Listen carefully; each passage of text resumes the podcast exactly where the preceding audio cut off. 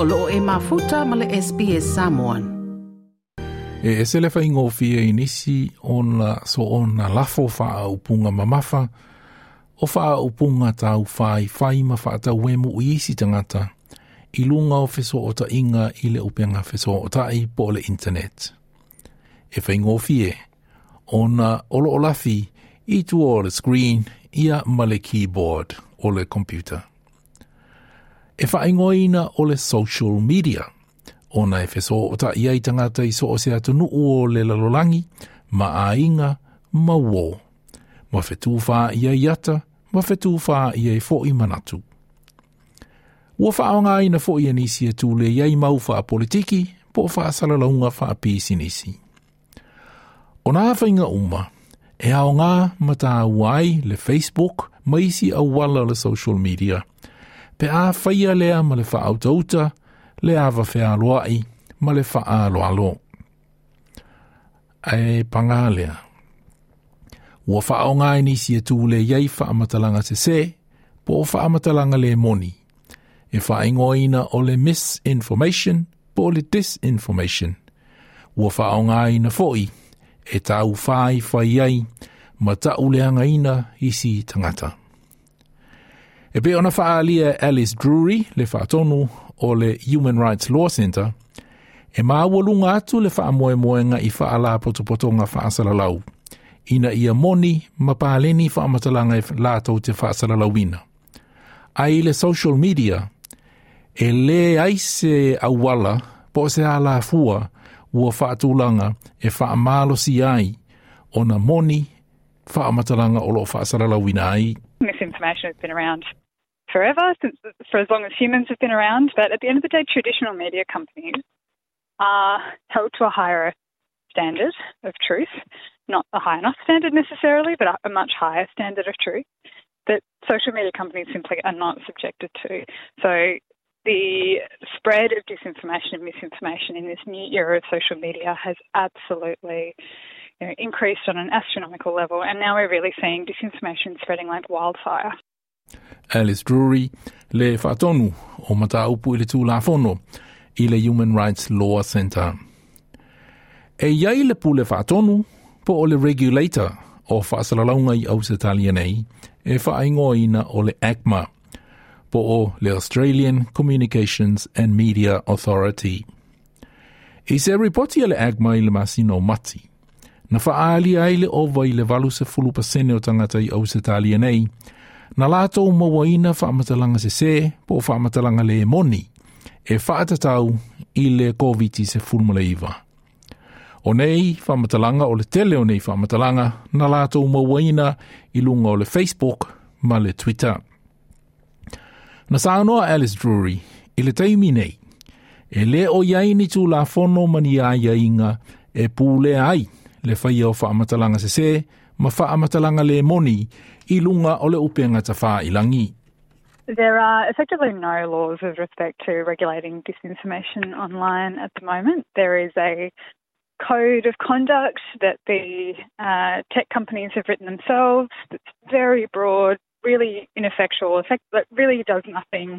Um, and so it's about we're long overdue in Australia for a regulator to step in.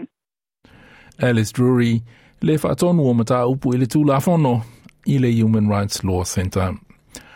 Oe e se tau mawhainga le malo tele, e tape le sasolo whaamatalanga le moni ma whaamatalanga se se i lunga o le upenga wheso tai. e whaingoina o le Communications Legislation Amendment. Pei tai, i lalo o le tūlāfono tau whaofi le nei, e le o iei se mālosi o iei i le ACMA, po o le regulator le pule whaatonu, e whaamālosi iei se company e pei o le Facebook, e ta pē, pē solo ia se whaamatalanga po se post, o iei ni whaamatalanga se se pē le moni. E pe ona sa no associate professor Fiona Martin o le University of Sydney i le media and communications o le fafita uli ni si o fa matalanga se se. Ona e ui ele o fasino i se tangata. Ai olo o ta ita i se se i nai tangata i se finaunga po o se mau.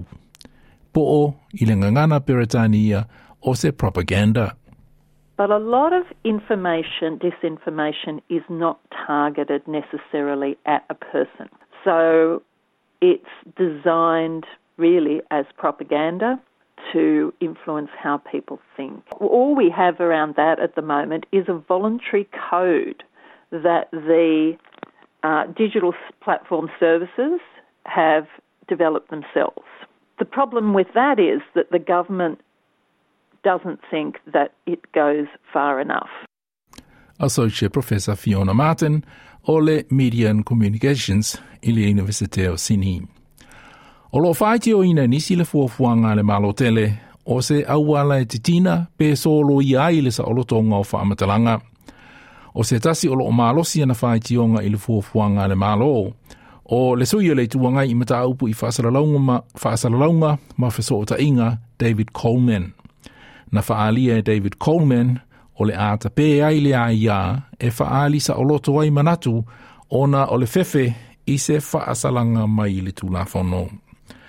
Peita ina sa noa Paul Harrigan o le University of Western Sydney uh, o Western Australia a faapaleni le sa o lotonga lea e maua i enisi le laisene e fai fai ma tau faaleanga i lungo le social media ma afianga mai le misinformation information po o se se male moni e sili atu le mai le misinformation. I don't think freedom of speech is necessarily the priority, and I'm not sure that that is under threat.